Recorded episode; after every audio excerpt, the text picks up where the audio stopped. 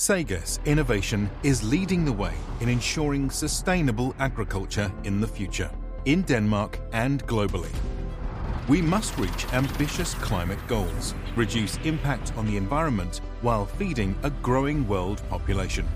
SEGES Innovation works closely with partners in the agricultural industry, companies, and universities from all over the world. Together, we are creating solutions to livestock management, the field, and the entire value chain, from farm to fork. We use our extensive professional knowledge, data, and the latest digital technologies to create innovation for a sustainable food production. We develop new production systems that combine yield optimization with nature and the environment.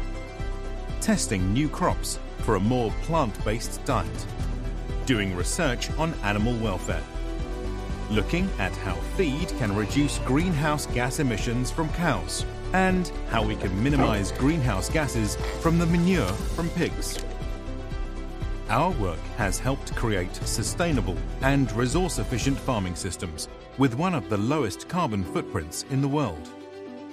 Innovation is essential to strike the balance between the use and protection of the resources on our planet for the benefit of current and future generations. SEGES Innovation Sustainable Food of the Future.